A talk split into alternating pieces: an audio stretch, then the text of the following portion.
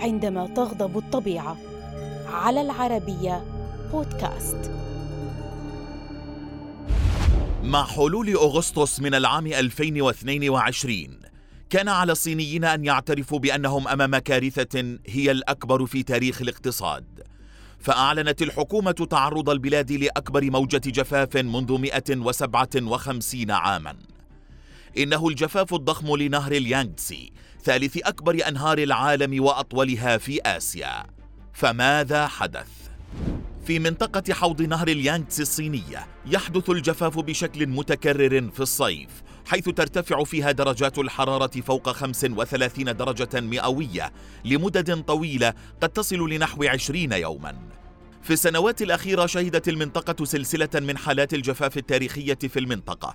أبرزها كان في أعوام 1785 و 1934 و 1978 و 2006 و 2013 و 2019 في يوليو من العام 2022 شهد هطول الأمطار في حوض نهر اليانغتسي انخفاضا بنسبة 45% عن العام الماضي وهو أدنى مستوى له منذ عام 1961 ما تسبب في جفاف تام ببعض أجزاء النهر. تزامن ذلك مع موجات الحر الشديدة التي ضربت أجزاء كبيرة من البلاد حيث سجلت عشرات المدن درجات حرارة مرتفعة تجاوزت 40 درجة سيليسيوس في بعض المناطق. استمر غياب الهطول المطري مصحوبا بموجات الحرارة العالية لمدة سبعين يوما ليضع الجهات الرسمية في أول حالة تأهب وطنية للجفاف منذ تسع سنوات. كان جنوب غرب الصين الأكثر تضررا في تشونغ تشينغ وحدها جف نحو 66 نهرا في 34 مقاطعة تماما فيما انخفض منسوب نهر اليانغتسي إلى النصف. تسببت قلة هطول الأمطار وموجات الحرارة المستمرة في أزمة مياه حيث واجه نحو خمسة ملايين شخص وتسعمائة ألف رأس من الماشية صعوبات في الحصول على مياه نظيفة. فنقلت مياه الشرب بالشاحنات إلى المناطق التي جفت فيها الإمدادات السكنية تماماً. تعطل توليد الكهرباء في عدد من المحطات الكهرومائية الرئيسية ما أثار أزمة وفوضى في الكهرباء في أجزاء من البلاد. ما دفع هذه المدن الكبرى لإطفاء الأنوار وتعطيل السلالم المتحركة وخفض تشغيل المكيفات.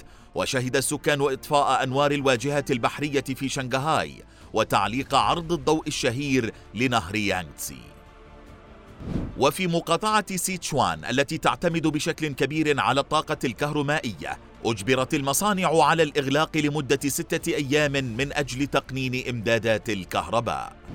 فرض الجفاف آثارا خطيرة على الاقتصاد وسبل العيش وقطاع الزراعة حيث بلغت مساحة الأراضي الزراعية المتضررة من الجفاف في حوض نهر اليانغتسي نحو أربعة ملايين هكتار وأصدرت أربع وكالات حكومية بيانا تحذيريا بأن حصاد الخريف تحت تهديد خطير.